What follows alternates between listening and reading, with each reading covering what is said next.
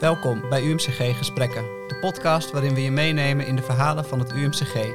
Patiënten, zorgverleners, onderzoekers en studenten vertellen je over hun ervaringen. Leuk dat je luistert. Mijn naam is Lex Kloosterman. En ik ben Laura Davis. En wij gaan het vandaag hebben over psychedelica in de psychiatrie. De gasten hier aan tafel zijn Robert Schroevers, psychiater en onderzoeker in het UMCG, en Hester van Dijk, ervaringsdeskundige, en haar man Hans. Welkom allemaal, fijn dat jullie hier zijn. Ketamine, MDMA, psilocybine, het zijn middelen die vooral bekend zijn als drugs. Maar ze zijn ook nadrukkelijk in opmars als medicijn voor mensen met ernstige depressies, angsten en stemmingstoornissen. En vandaag gaan we het hebben over het onderzoek dat we hier in het UMCG naar deze middelen doen, wat dit voor patiënten betekent en hoe het veilig en goed kan. Robert, je bent hoogleraar psychiatrie in het UMCG en een van de experts in Nederland op dit gebied. Wanneer ontstond bij jou het idee dat dit soort middelen patiënten met ernstige depressies kunnen helpen? Ehm, ik denk dat dat zo 2013, 2014 was. Ehm, wij behandelen in het, in het uh, UMCG vele patiënten met ernstige vormen van psychische aandoeningen. Dus bij depressie, dat zijn mensen die heel veel reguliere behandelstappen al doorlopen hebben. Uh, met uh, uiteindelijk een onvoldoende resultaat. En uh, die mensen die lijden ernstig, dat heeft een enorme impact op het leven van henzelf en van hun partner, familie, werk. nou ja, heel veel dingen die belangrijk zijn in een mensenleven.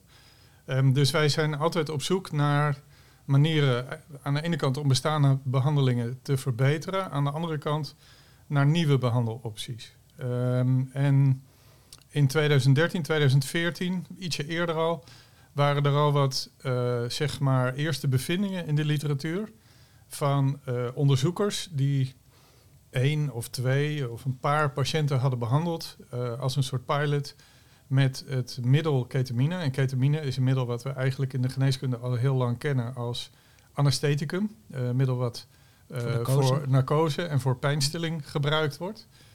Middel wat overigens nog steeds in de zorg veel gebruikt wordt. Um, alleen wat was nou nieuw daaraan? Dat men zich was gaan realiseren dat het um, ook een sterk effect op de stemming zou kunnen hebben.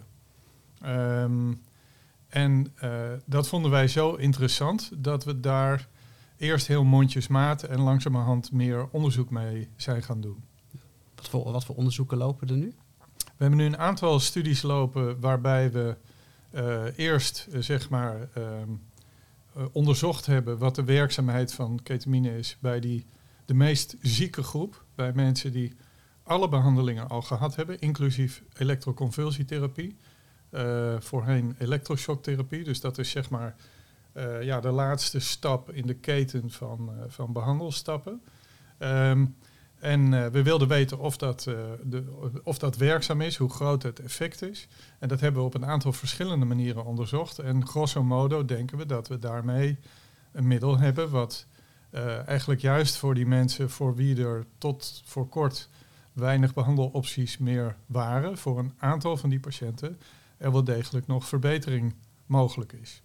Um, we gaan nu beginnen met een grote Nederland-brede studie, uh, waarin we gaan onderzoeken als je die ketamine in de behandelstappen ietsje naar voren haalt, dus als je hem op de plek zet van de elektroconvulsietherapie, is die dan even effectief? Uh, en is die misschien plezieriger voor patiënten? Want Elektroconvulsietherapie heeft een aantal nadelen. Uh, je, je, moet herhaald onder narcose. Je wordt er vaak voor in het ziekenhuis opgenomen. Mensen kunnen er ook geheugenklachten van krijgen daarna. Um, en uh, het zou goed kunnen dat ketamine daar wat vriendelijker in is. Maar die vergelijking is nog nooit op die manier één op één gemaakt. Hè? Dus als je wil dat het uiteindelijk gaat landen als een geneesmiddel... wat voor veel patiënten met zulke ernstige depressies beschikbaar komt dan moet je de kennis aanleveren en de, de evidentie aanleveren om dat uiteindelijk ook in een richtlijn eh, te krijgen en om het ook toegelaten te krijgen. Nou, daar kunnen we straks denk ik nog wat meer over horen. Hester, jij zit hier vandaag natuurlijk als ervaringsdeskundige, dus jij hebt meegedaan in een van deze studies. Kun je eens vertellen hoe ben je tot de keuze gekomen om hier mee te doen? Um, ik was uh, in, in, nou ja, een behandeling en het woord Esketamine werd wel eens genoemd, maar ik was daar bang van. En toen dacht ik van, ja, wil ik dat wel? En het was eigenlijk uh, de laatste optie die ik had. En aan, naar aanleiding van een, uh, een krantenbericht werd dat beschreven. En toen dacht ik, toen hadden we het samen erover, ik en mijn man, van uh, ja, waarom proberen we het niet? Wat hebben we te verliezen? En zodoende ben ik naar het UMCG, waar ik al wel onder behandeling was, weer gekomen om aan de ketamine te beginnen. En toen begon je ermee. Hoe was jouw ervaring? Hoe ging dit in zijn werk? Ik heb zes weken lang, twee dagen per week, uh, kwam ik naar het ziekenhuis. En op een gegeven moment uh, begin je met een dosis. En dan ga ik, gaan ze kijken van hoe reageer je daarop. En dat is in die zes weken is dat zo opgebouwd totdat we op een, uh, een goede dosering zaten waar ik veel ja. de beste baat bij had. Precies, precies, ja. En na die zes weken, hoe ging het toen in zijn werk? Ga je daar dan mee door? daarna ben ik ermee doorgegaan. Um, maar wat ik daar nog even van wil vertellen over die zes weken, dat gaat echt onder begeleiding van een verpleegkundige en de psychiater natuurlijk. En mijn man is er ook uh, alle keren bij geweest. En uh, ja, toen ik die zes weken achter elkaar had gehad en ik had daar echt baat bij, dat er al werking was, dat er iets gebeurde, uh, zijn we daarmee naar huis gegaan. En nu gebruik ik het al vanaf juni vorig jaar twee keer in de week. Ja, staat hier ook een potje voor je op tafel, hè? Klein ja. flesje maar, ja. met vloeistof. Ja. Kun je vertellen, hoe, hoe, hoe gebruik je dat? Nou, dit haal ik één keer per 14 dagen op. Want het, lange houdbaar is dat nog niet. Daar zijn ze wel mee bezig. En dan, ja, dan neem ik dat mee naar huis. En ik heb twee vaste dagen in de week dat ik dat gebruik op, ma op maandag en donderdag. En uh, ik gebruik dan uh, 16,2 milliliter. En dat neem ik in. Ja, je vertelde ook, hè, we, hadden, je eerder al, dat je ook je gaat liggen. Je, je maakt echt een rustig moment van muziek. Uh, ja. En, uh, het is een, uh, ik heb er een heel ritueel van gemaakt. Dat geeft me ook echt rust. Uh, op het moment dat ik mijn drankje inneem, ongeveer een 10 minuten kwartier, begint de werking dan net of je iets te veel gedronken hebt en je wordt wat, ja, ik, ik, lees altijd nog eventjes rustig in mijn stoel, dan gaan de lettertjes een beetje heen en weer. En dan weet ik van, nou, ik ga liggen en ik zorg dat ik er comfortabel bij lig met een lekker dekentje, oortjes in met klassieke muziek, wat mij heel erg ja, rustig en vertrouwd is. En dan wacht ik tot de ketamine gaat werken. En dat merk ik het eerste aan, meestal aan mijn lippen. Die gaan tintelen. Mijn neus lijkt soms van hout. Lijkt net of je masker op hebt. En ook heb ik heel regelmatig dat ik voor de helft koud word. Dan lijkt het net of je met je rug op een, op een ijsplaat ligt. Dat is maar voor de helft ben je dan echt heel koud. En dan laat ik eigenlijk gebeuren wat er gebeuren gaat. En de sessies die ik doe zijn nooit hetzelfde. Die zijn verschillend van elkaar. Ze kunnen heel heftig zijn en ze kunnen wat milder zijn. Ja, wat maakt het dan in je, in je los? Op het moment dat, dat dat dus gaat werken. Mijn man zit eigenlijk altijd naast me als, als thuishaven. Als, als er uh, iets is dat hij dan bij me in de buurt is. Ik, uh, als ik dan de ketamine heb ingenomen en ik lig, dan is het verschillend. Ik kan er één voorbeeld van noemen, dat ik echt de diepte inga. Dan, het is, net, ja, het is eigenlijk net zo als je in, ik weet niet of mensen wel eens onder narcose zijn gegaan, dan hebben ze ook wel eens de ervaring dat ze in een tunnel gaan. En dat kan ik met de ketamine kan ik ook hebben, dat ik in een tunnel weg zou. Je, je voelt je heel raar. En het is eigenlijk voor mij ook het belangrijkste dat je gewoon rustig bent. Want er gebeurt niks. Je, je ervaart het. Het is soms echt niet leuk, maar je laat je meeslepen. En dan komen er verschillende dingen die dan gebeuren. En het kan zijn dat ik naar de diepste pit van mijzelf ga. En dat ik dus echt bij de donkerste gedeelte kom waar ik eigenlijk met al mijn therapieën en met pillen nooit ben geweest, dat je dat doormaakt. Het, het heeft. eh, ja, je bent tien minuten, kwartier ben je bezig en dan kom je eruit. En dan kan je doodmoe zijn. En, en eh, ja, het is heftig. Je kan huilen, je kan eh, in, in panieksituaties terechtkomen. En, maar mijn ervaring is van de ketamine dat je gewoon na een kwartier, half uur, kom je uit het ergste en diepste punt. Maar ik heb ook een ketamine ervaringen waar ik heel blij ben dat ik muziek hoor, dat ik beweeg en ook hele prettige herinneringen. Maar wat voor mij echt belangrijk is, dat ik in al die ehm, jaren dat ik onder behandeling ben geweest, nog nooit zo bij mijn diepste ja, persoonlijke of em- emoties ben geweest. Het gaat echt zo diep, zo, het is zo bloot. Want met de ketamine, je kan het niet sturen. Het is net of je, net als je als in onder narcose gaat, kan je dat ook niet sturen. En dit neem je in. Je verdwijnt in iets en het heeft geen handen en voeten. Soms zijn het duidelijke beelden, soms helemaal niet. Soms ben ik me bewust van mijn omgeving en soms ook helemaal niet. En het is eigenlijk het verwerken wat diep in mij zit, waar ik normaal nooit bij ben geweest in al die jaren. En het fijne daarvan is dat ik nu, dat ik die dingen tegenkom, dat ik daarna ook daarna kan kijken. En dat het me een andere blik geeft op mijn, ja, mijn eigen ik, mijn, hè, mijn diepste. Ja, Mooi. ja. Dat is heel fijn, denk ik. Na, Ja. dat, dat, hè, dat is zo lang niet gelukt, volgens mij. Het is in al die jaren, ik heb alles gedaan. Ik heb alle behandelingen gehad die daarvoor nodig zijn voordat je aan de esketamine kan beginnen.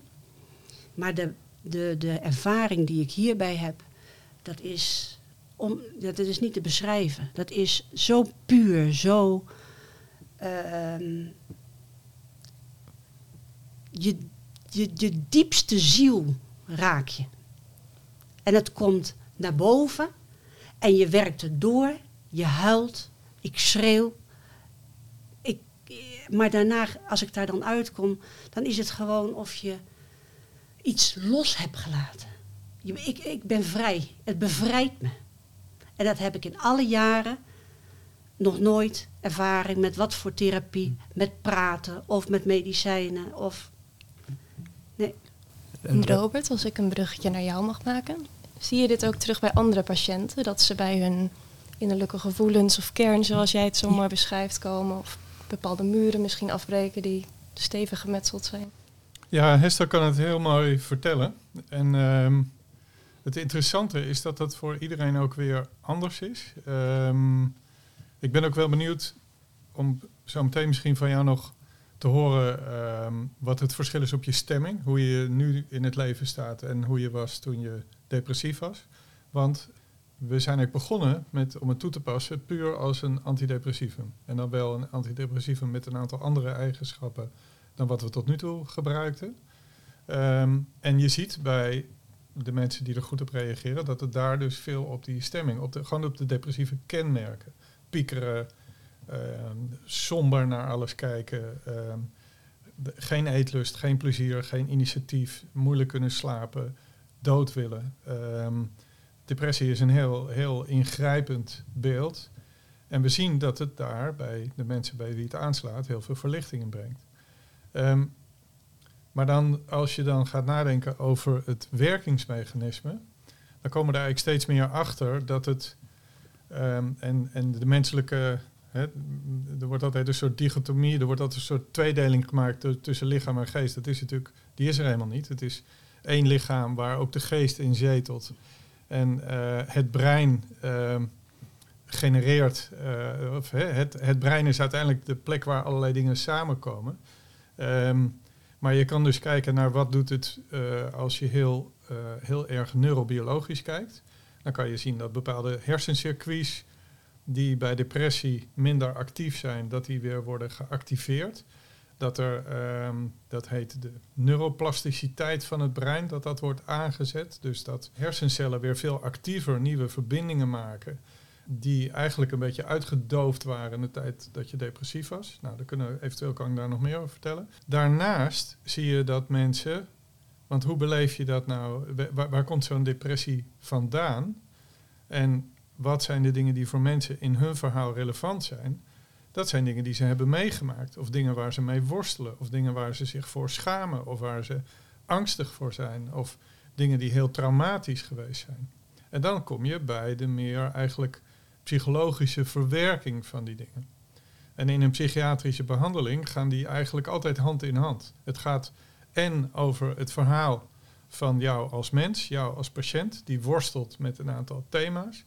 Nou, daar, daar werken we aan in psychotherapie, hè, dus om dat verhaal op een rijtje te zetten. Of, en er zijn een hele, hele scala aan verschillende psychotherapie, tot en met traumatherapieën, waarin je eigenlijk die traumatische gebeurtenissen weer gaat herbeleven. En we werken daar ook aan door op een biologische manier te proberen dat, uh, dat brein weer op een gezonde manier te activeren.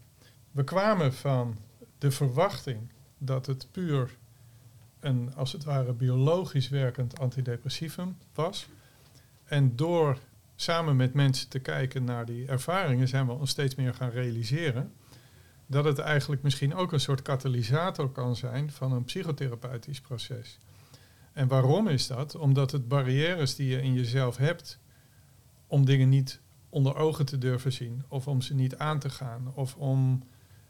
Je wil daarvan wegkijken, want het is naar, het is bedreigend, het is beschamend, het is eh, allemaal heel erg voorstelbaar, maar daardoor blijft het maar zeuren en prikken en je lastigvallen en je wordt er wakker van, et cetera. En dus die barrières die worden tijdelijk eigenlijk geslecht. Dat maakt dat je in zo'n sessie, zoals je ook heel mooi vertelt, van alles kan tegenkomen. En we denken dat, dat het dus enorm belangrijk is om dat goed te begeleiden, om mensen daar goed op voor te bereiden. Dus het is echt anders dan een ander pilletje en ga maar even zitten en dan over een half uur dan, uh, dan kom ik weer langs. Dus we, we, nou, zijn wij gelukkig ook zo ingesteld dat we vinden dat het verhaal, hè, de, de psychotherapie, eigenlijk altijd belangrijk is in een behandeling. Maar je moet het dus ook in dat kader, moet je datgene wat je tegenkomt weer interpreteren. En dan kan je daar ook weer over praten met je psycholoog of je psychiater of je psychotherapeut. Om, eh, met je partner, om daar, om daar kaas van te maken, om dat te laten landen. En um, ja, wat ik heel fascinerend vind, is dat het daarmee eigenlijk uh, ook een soort, uh, ja, bijna een soort paradigmaverandering is in ons veld. Dat je mensen helpt om vastzittende psychologische processen, om die los te maken en om weer andere perspectieven te gaan zien. Uh, en wat we hebben gemerkt is dat als je dat een keer doet, en of dat nou met psilocybine of MDMA of ketamine is, ja, daar, daar, daar moeten, moeten we echt nog op studeren welk middel voor wat voor indicatie nou het beste is. Maar we denken dat dat zijn maximale werking krijgt door het in te bedden in een psychologisch proces. Dus ik, wil, ik wil er wel een voorbeeld bij, uh, bij geven. Um, je hebt een keer uh, een sessie gehad waarin je jezelf terugzag als kind. Hè, je bent op de lagere school, je, je bent linkshandig. En op de school was het uh, streven dat alleen rechtshandig geschreven moest worden. Dus wat werd, wat werd er gedaan als kind? De linkerhand werd op de rug gebonden. In de klas. Mm -hmm. En uh, je hebt jezelf in de sessie een keer gezien. Ik heb gezien dat je aan het schrijven was. Hè. Je was echt de, uh, met je linkerhand aan het schrijven. En je zag terug hoe je daartoe gedwongen werd. Maar je kon ook bedenken, of tenminste, je, je, had het beeld ook erbij, dat je zegt van ja, hoe kan een volwassene eigenlijk zo met een kind omgaan? Dus dat is een hele andere manier van beschouwen. Uh, om er zo, dan, dan, dan, dan dat je er echt als kind in zit. Dat je er gaat zeggen, oké, je snapt eigenlijk niet dat uh, het onderwijs zo in elkaar kan zitten. Of dat de volwassene op deze manier denkt iets te kunnen veranderen. En dat gaf jou echt een stukje inzicht van hoe absurd het eigenlijk is wat je mee had gemaakt. En daarmee kon je het ook weer beter plaatsen. Je komt eigenlijk bij de reden waarom het je een zo probleem raakt. voor je was. Ja, waarom precies. het je raakt. Ja. ja. Ik zie je veel knikken bij wat Robert net eh, eh, zei. Kan je nog uh, ingaan op wat hij ook aan je vroeg? Hoe het ja, zeker. Voor jou? Ja, het geeft echt... nou, dat, dat, dat, is ook een, iets wat ik, wat ik echt wel ook eens aan heb gegeven. Van, um, om dit in, in therapiesessies ook te gebruiken. Hè, in, in, met een psycholoog, een psychiater. Of, omdat je dan... Kijk, met praten, dan kan je heel boel vertellen wat je wil. Maar dat is niet je gevoel. En ik kom heel moeilijk bij mijn gevoel. En door die ketamine komt dat juist los. En als je dit in een sessie zou hebben, dan zou dat inderdaad een gesprekstof zijn om daarop verder te gaan. Want dan, ja, het is zo moeilijk uit te leggen. Je, je kan dingen leren, van, eh, dan wordt het je geleerd van nou als je dat gebeurt, dan moet je dat doen. Maar dan ben je niet bij je gevoel. En met die ketamine kom je echt bij het diepste gevoel, wat je ook niet kan sturen. Dus dan zou dat een heel mooi middel zijn om daar dan op aan te haken en daar dan in verder te gaan met de, met de patiënt of cliënt. Ja. En wat weet je daar nu van, Robert? Van, bij welke patiënt en hoeveel patiënten werkt dit dan? Wanneer gebruik je dan dit? En bij wie werkt het wel om het op andere manieren bij dat gevoel te komen? Um, ja, dat zijn belangrijke vragen waar ik helaas nog niet allemaal het antwoord op heb. Uh, wat, wat we nu zien als je kijkt naar het effect op depressie, dan is um, nou 40, 45 procent van de patiënten die feitelijk uitbehandeld waren, ervaart toch zoveel positieve uh, verandering dat ze het zeer de moeite waard vinden om daarmee door te gaan. En uh, dat betekent niet dat mensen helemaal herstellen, uh, maar wel dat het echt een, een significante verbetering geeft. Sommige mensen herstellen wel helemaal. En dat is soms na de, de gemiddelde duur van de depressie van de mensen die we hiermee behandeld hebben, die was vijf jaar. Mensen hadden uit mijn hoofd negen verschillende antidepressiva gebruikt. Mensen, 60% van deze mensen had ECT uh, uh, gehad. Uh, dus dat, is, dat, dat, ja, dat vinden wij nog steeds indrukwekkende getallen. Dan heb je het als, dan zet je het in als middel voor hele ernstige depressie. We doen ook meer onderzoek naar andere uh, zogenaamde psychedelica. Hè. We kunnen zo meteen misschien nog wel even praten, want je begon over drugs en uh, de, nou ja, hoe is dat nou dat raakvlak? Maar we hebben ook een internationale studie geparticipeerd die voor mensen met mildere depressies één sessie met psilocybine, dus het ingrediënt van paddo's, onderzocht. Daar, daar zie je ook een behoorlijk effect op de depressie. En in die studie werden ook mensen, ehm, zeg maar, er was een, een beperkte psychotherapeutische begeleiding, waarvan wij denken dat dat misschien eigenlijk wel meer zou moeten zijn. Maar die hadden dus een, een, een, paar gesprekken van tevoren. Dan hadden ze die sessie samen met die therapeut die ze inmiddels kenden. En dan een aantal, dat heet dan integratiegesprekken, hè, waarin je wat je tegen bent gekomen verwerkt en in perspectief plaatst. En als het ware weer meeneemt. Of het nou uiteindelijk één keer of twee keer of drie keer zou moeten zijn, daar, uh, daar, ja, dat moeten we verder onderzoeken. En wat we ook moeten onderzoeken is of dat voor iedereen behulpzaam is. En eigenlijk kan ik nu al zeggen dat we denken dat dat niet het geval is. Want uh, het vraagt ook wel wat van jezelf als mens om je daaraan over te geven. Het is ook, het is ook eng. Ja. Um, want ja, je, je neemt iets in waarmee je toch een beetje de controle over jezelf verliest. Het stelt dus hoge eisen aan de kwaliteit van de begeleiding, aan hoe betrouwbaar, hoe veilig het is. Uh, of jij daar vertrouwen in hebt. En wat we weten steeds meer, en dat hebben we bij ketamine eigenlijk een beetje met vallen en opstaan geleerd, is hoe enorm belangrijk die omgeving is. Die context. Hè? Dus dat als je dat doet in een kamer waar mensen voortdurend in en uitlopen en waar onrust is en waar. Uh, ja, dat komt allemaal heel hard door. Hè? Want je filters staan eigenlijk uit. Uh, dus dat betekent dat je heel sensitief bent voor signalen, zowel vanuit je eigen binnenwereld, en dat kunnen gedachten, herinneringen, herbelevingen zijn, maar ook van allerlei prikkels uit de omgeving. Hè? En Hester vertelt dat je, je hebt eigenlijk nou ja, zelf een soort manier ontwikkeld van bepaalde muziek opzetten, de, de bel af, uh, rustig licht. Uh, want je wil daar niet uitgehaald worden, want dat is heel, heel onaangenaam. Ja. Ja. Maar het is ook de kunst dat je dat dus kan. Dat je daar aan overgeeft of voor open staat en het los kan laten, zoals je het omschrijft. Dat, ja, dat, dat, maar ik denk toch wel, ook al ben je uh, dat je alles in handen wil houden, dat het toch met de ketamine niet lukt om, om daar uh, uh, controle over te, over te houden. Want het gebeurt gewoon. Het, het, je, je hebt daar niks over te vertellen. Dus ik denk toch ook wel dat mensen die controlebehoeftig zijn, er toch ergens in het stadium komen van ja. wat eng is. En, wat, wat, en dat is heel duidelijk om dat uit te leggen dat het wel eng kan zijn, maar dat je er ook gewoon weer uitkomt. Je komt eruit. Hoe ervaarde jij dat de eerste keer dat je het ging doen? Vond je het ook heel spannend?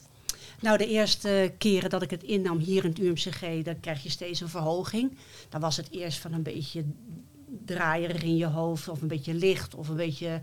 En de volgende stap gingen we weer wat verder. En uh, op een gegeven moment, uh, nou ik weet niet meer of dat halverwege de, de, de behandeling was. Maar toen lag ik zo te gillen dat er op een gegeven moment een psychiater aankwam en die dacht: oh, oh ja, er is ketamine aan de hand. Oh nee, er is niks aan de hand. Dat je echt zo, dat ik daar zo lag te, te, te, te, te roepen en te, ja. ja. Maar het is inderdaad wat uh, professor Schroevers ook zegt: van, je moet er niet uitgehaald worden. Nee. Het is belangrijk dat je omgeving uh, dat, het, dat het echt uh, rust geeft en dat het vertrouwd is. Maar ik, en bijvoorbeeld ook tijdens de, de, de inname van de ketamine kan je bloeddruk omhoog gaan. En er werd, in het begin werd de bloeddruk gemeten. En iedere keer die band eromheen was van... En dan hebben we afgesproken van niet doen, gewoon laten. Ja. Okay. Blijf erbij. En soms als ik heel diep ben, Hans, dan, uh, dan, als, ik dan als ik dan merk dat hij in mijn buurt zit en ik pak zijn hand, dan is dat op dat moment, dan vraag ik dat zelf. Maar raak hem. Nee. Raak een patiënt niet aan. Nee, ik laat, je, echt, ik laat ja. je gaan, zeg maar, in wat ja. je, waar je in zit. En ik ben daar wel als ze, als ze me nodig heeft. Dus dat vind ik ook, dat, dat is ook wel een van de dingen die waar we echt voor gewerkt hebben. Om te waarborgen dat het veilig is en vertrouwd is. En dat je ook dan kan laten gaan wat er is. Ja. En inderdaad ook een hele rustige omgeving. Want in het begin in het UMCG, was de, met, uh, ik was toen toevallig met een andere man. En die zat nogal te praten en te doen. En uh, nou ja, toen, toen, begon ik na zoveel sessies al reactie te krijgen dat, dat er iets bij mij ging werken. En toen hebben we ook gevraagd om een uh, eigen kamertje. En dat is toch wel heel erg prettig om daar gewoon je rust te hebben. Ja. Je vertelde net ook, um, nou ja, na een bepaalde periode kom je er natuurlijk weer uit. Dus er gebeurt misschien van alles wat wel heel heftig is. Hoe is dat daarna, na de behandeling? Ja, dat is ook verschillend. Uh, ik heb uh, soms wel eens dat ik uit de ketamine kom. Dat ik heel donker ben. Echt heel donker. Dan doe ik mijn ogen open en denk ik, oh jee, het is weer zover. En na een half uur, uur, anderhalf uur, verdwijnt dat. En dan gaat het gewoon weg. En de periodes tussen de ketamine-innames, ja, voel ik me gewoon, kan ik, ben ik gelukkig, kan ik genieten van hele kleine dingen, van mijn honden, van mijn man, van mijn tekenen, van waar ik eerst echt totaal geen gevoel in had toen ik dat middel nog niet had. Ik zie je meteen glimlachen, Hans. Het, jullie zijn echt weer na ja. heel veel jaren, uh, nou ja, met de problemen die je hebt gehad, helpt dit jullie enorm volgens ja, mij. Het is, uh, wat, wat, wat ik heel uh, typerend vind als Hester depressief uh, was, dan kwamen we alle twee in een soort eigen bubbel terecht. Zij in haar donkere wereld en ik in de mijne, die dus niet donker is.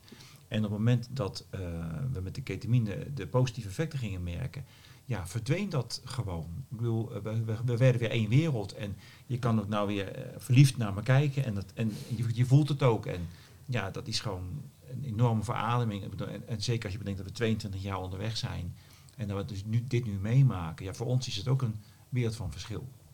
Ik bedoel, we gaan uh, overmorgen weer uh, met, op vakantie met z'n tweeën. En daar hebben we ook gewoon echt zin in om dat te doen. En we hebben, het ook, we hebben een weekje op de Schelling gehad, vier weken geleden. En voor volgend jaar weer geboekt. Ik bedoel, het is gewoon... Je ja, hebt weer je oude leven nou, het, het, ja, precies. terug. Ja. En wat, ook, wat ik toch ook wel wil zeggen, net zoals met medicatie, word je vaak afgestompt. En een heleboel dingen gaan weg ook. Je depressie wordt ook wel minder. Maar net mm-hmm. zoals bijvoorbeeld over verliefd zijn, je, je libido neemt af. Je, nou ja, je, je, hebt gewoon, je leeft gewoon als broer en zus naast elkaar. En als ik nu merk met de ketamine, hoe ik me nu weer voel. En dat je weer je gezellig kan voelen en dat je ook daar weer van kan genieten. Dat is heel bijzonder. Ja. Dat is echt heel bijzonder. Ja, Mooi. ja. Robert, misschien tot slot. We hadden het net al even over de risico's. Eh, ehm, het is een belangrijk punt volgens mij wat je ook wil, eh, wil onderstrepen. Eh, het, het gebruik hiervan binnen het onderzoek, de risico's en het, het veilig doen.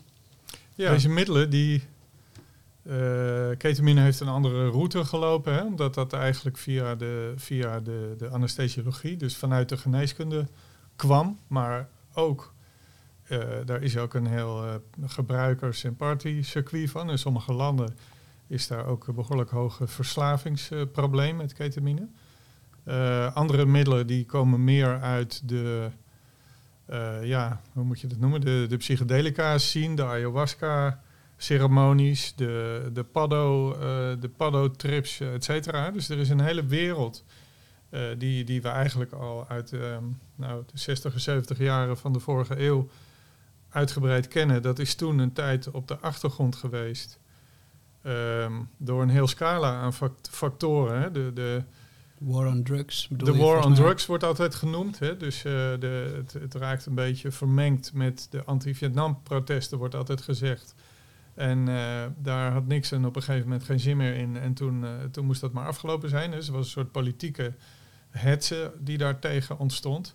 Maar er waren ook wel incidenten. eh, en, en er was ook een soort, ja, in mijn ogen soms naïef geloof over dat de wereld totaal anders zou zijn als iedereen maar elke dag eh, een beetje LSD eh, zou innemen.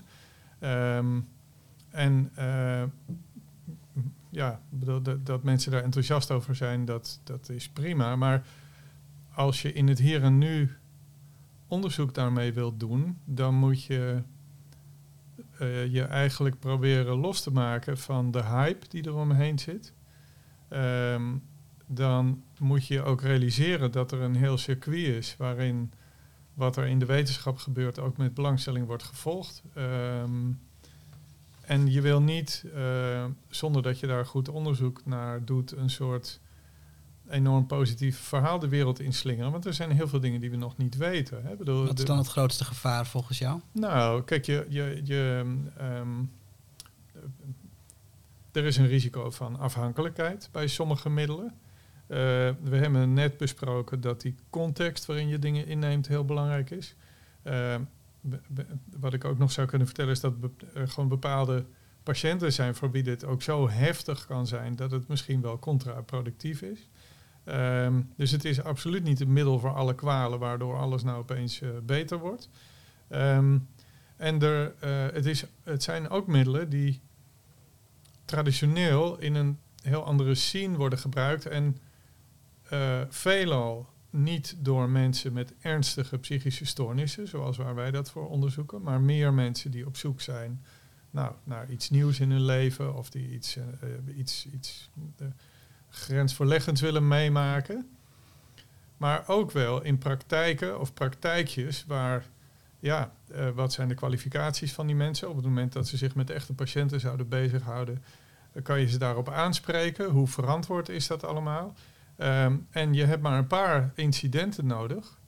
eh, los van de ellende die dat voor die personen kan opleveren. Maar om ook zo'n hele ontwikkeling weer onmogelijk te maken. Dus het is voor ons echt een beetje laveren tussen. eh, nou, enerzijds het delen van positieve ervaringen daarmee. Anderzijds toch ook steeds maar benadrukken dat we echt nog veel beter en uitgebreider onderzoek moeten doen om te, te kijken.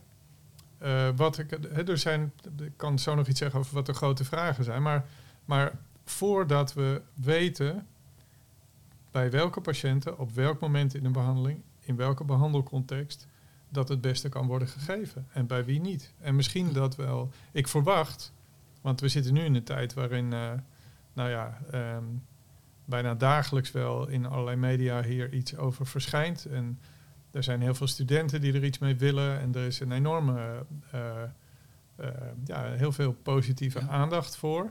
Maar daar ben ik soms ook een beetje bezorgd over. Want je kan eigenlijk voorspellen. Nou, je kan voorspellen dat het niet zo mooi wordt als nu soms wordt geroepen. Uh, Ja. Want psychische stoornissen zijn hele taaie aandoeningen die heel complex zijn, die een enorme ook genetische loading hebben. Ehm, en het, het, het zal echt niet zo zijn dat dat voor iedereen nu de panacee is. Eh, tegelijkertijd, als je kijkt naar ontwikkeling van behandeling in de psychiatrie, dan ehm, is er denk ik, in de, de- als je kijkt naar de afgelopen 30 jaar, zijn er niet veel doorbraken geweest. En is dit wel potentieel iets wat, ja, wat een verschil kan maken. Dus jij pleit hier ook wel voor een eigenlijk bescherming van de patiënt, maar ook de vorm van therapie. Ja, ehm, ik denk dat er eh, dat. eh, kijk, wat wij, wij zijn, wat wij. We zijn bezig met een groot programma om te kijken of we dat kunnen optuigen. En een van de belangrijke elementen is de scholing van eh, behandelaars en therapeuten. En we denken dat op het moment dat je dit gaat toepassen bij mensen met een psychiatrische aandoening, eh, hè, psychiatrische diagnose die ook zeg maar in aanmerking komen voor een psychiatrische behandeling, dat dat door eh big geregistreerde professionals moet gebeuren. En dat het ook heel transparant en toetsbaar moet gebeuren. Want ik weet niet, als je een beetje googelt, er is een groot Amerikaans onderzoeksproject. Dat is het, eh, het MAPS-project. Dat, is, eh, dat zijn eh, behandelingen met MDMA bij patiënten met PTSS, posttraumatische stressstoornis. En daar zijn een aantal toch best ernstige schandalen van therapeuten die daar uit een soort, ja, hoe moet je dat noemen? Een combinatie van therapeutische overmoed en ook gewoon het niet respecteren van grenzen in het persoonlijk contact enorm over de schreef zijn gegaan. Hè? Dus eh, seksueel als grensoverschrijdend gedrag, mensen, mensen ehm, vanuit een soort idee van allemaal samen eh, in je eigen huishouding laten werken. eh, dus ehm, als je dit ongebreideld laat lopen onder de believers, eh, en ik weet zeker dat dat een opmerking is waar je kritiek op kan krijgen, maar dus ik, ik, ben, ik respecteer het, het, het enthousiasme en de drive en tegelijkertijd weten we binnen de psychiatrie, we hebben lang genoeg ervaring met nieuwe dingen die het dan die, die fantastisch lijken te zijn. En eh, waarbij je ook eh, gigantisch uit de bocht kan vliegen. En daar ben ik heel beducht voor. Dus ik denk dat we heel erg met onze voetjes op de grond moeten blijven staan. En dat we ons moeten realiseren dat juist dit soort behandelingen, waarbij mensen weerloos zijn, waarbij mensen beïnvloedbaar zijn, waarbij mensen in feite aan je overgeleverd zijn tijdens zo'n sessie, dat dat nog meer dan bij andere behandelingen maakt dat je daar heel voorzichtig en bewust en zorgvuldig mee moet zijn. Ehm, en anders dan, eh, dan gaat dit gewoon mis. En dat is wel, wel, dat, vind, dat is wel een zorg die ik ook heb. Duidelijk. en je onderstreept het. eh, je legt het volgens mij duidelijk en genuanceerd uit eh, hoe je je punt maakt. Heel belangrijk. Ik, de, Hester, het laatste woord is aan jou. Is er nog iets wat jij wil onderstrepen? Wat eh, professor Schroevers net zei van eh, het gebruik van de ketamine, dat je inderdaad heel kwetsbaar bent en dat daar heel zorgvuldig mee omgegaan moet worden. En ehm, nou ja, dat, dat is een punt. Maar wat ik ook nog even wil zeggen over de ketamine. Eh, door het gebruik nu van de ketamine eh, is het wel zo dat mijn leven nu eh, veranderd is. En dat ik me ook wel bewust ben dat het ook anders kan gaan. Of dat er iets op kan treden waardoor dat je het middel niet meer zou kunnen nemen. Maar dan denk ik wel, ik heb dit gehad. En ik stond al met mijn rug tegen de muur voordat ik eraan mee, mee begon. En eh, ik ben blij, dan toch blij dat ik dan deze periode gehad heb om het te gebruiken. En ik hoop echt Ja. dat er meerdere mensen zijn hè, waar dat dan onder controle eh, mee gedaan kan worden. Ja. Wij zijn nu met een grote groep eh, onderzoekers, Nederland breed, en patiëntenverenigingen eh, ehm, en eh, zorgverzekeraars, eh, bedrijven, GGZ-instellingen, zijn we aan het kijken of we een groot onderzoeksprogramma kunnen lanceren waarin we eigenlijk willen proberen om de, de grote vragen die er nog zijn, over de inzet van deze middelen bij een aantal van de belangrijkste psychische stoornissen. eh, waarvan we denken dat het werkzaam zou kunnen zijn. En we willen eigenlijk een programma maken waarin we in de komende vijf jaar, maar dat is echt een heel omvangrijk project, met twintig instellingen een hele serie onderzoeken willen gaan doen om de grote vragen per stoornis te beantwoorden, zodat we daarna ook richting implementatie kunnen. Hè. Dus uh, ervan uitgaand dat we weten bij welke mensen dat op welke manier het beste werkt, dat we het daarna ook in de behandeling uh, kunnen gaan implementeren op een verantwoorde manier. En we willen eigenlijk proberen om in die onderzoeksfase een versnelling te brengen, want nu is het zo dat nou ja, ik moet een hele tijd denken en dan een aanvraag doen en dan een studie doen. En dan ben je 7, 8, 10 jaar verder voordat je dat. En dat zijn dan, dat gebeurt op allerlei plekken, maar dat gebeurt eigenlijk niet als een soort gecoördineerde aanpak. En we zoeken financiering, we zoeken medewerking van een aantal grote partijen om te kijken of we dat gecoördineerd nou eens op een andere manier kunnen neerzetten, waardoor we denk ik uh, 20 jaar kunnen winnen. En waarbij ik ook hoop dat we uh, nou ja, dat we niet uit de bocht hoeven vliegen. Ja. Durf je daarbij in de glazen bol te kijken? Wanneer kunnen we meer mensen hier op een goede manier mee helpen? Ik denk als het lukt om dat op zo'n uh, gecoördineerde manier te doen, maar dan heb je het echt over een behoorlijk grote schaal, dan denk ik dat we over een jaar of vijf uh, een aantal van die behandelingen langzamerhand zouden kunnen gaan implementeren. Ik denk dat we aan het eind zijn. Ja, misschien nog één vraag. Je gaf van tevoren zelf ook aan, ik vond het spannend. En ik dacht, ketamine, moet ik dat nou wel doen? Ja. Uh, qua omgeving, hoe ging dat? Hoe reageren mensen daarop? Je daar nog iets over vertellen? Ja, op zich, het, het is wel zo dat um, omgeving die kijkt er nou, misschien soms wel wat simplistisch naar. Van, nou, je gaat dan de ketamine starten. Uh, wij hebben samen heel erg ervaren dat de emoties die erbij loskomen, dat die eigenlijk dat je die als mooi moet beschouwen. Want datgene wat naar buiten komt, is iets waar je ook naar kan kijken. Um, en um, sommige mensen zijn bang voor die emoties, die vinden dat te heftig. En ja, ik denk dat je, uh, je moet begrijpen waar je staat en waar je terecht kan komen met de ketamine. En dat, dat is altijd een plusstuk voor ons geweest.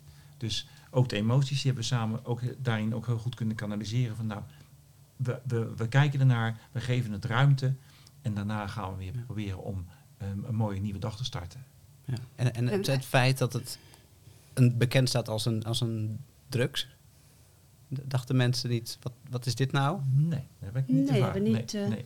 Uh, maar wij houden het ook wel een beetje voor onszelf. Je gaat daar niet mee naar buiten toe.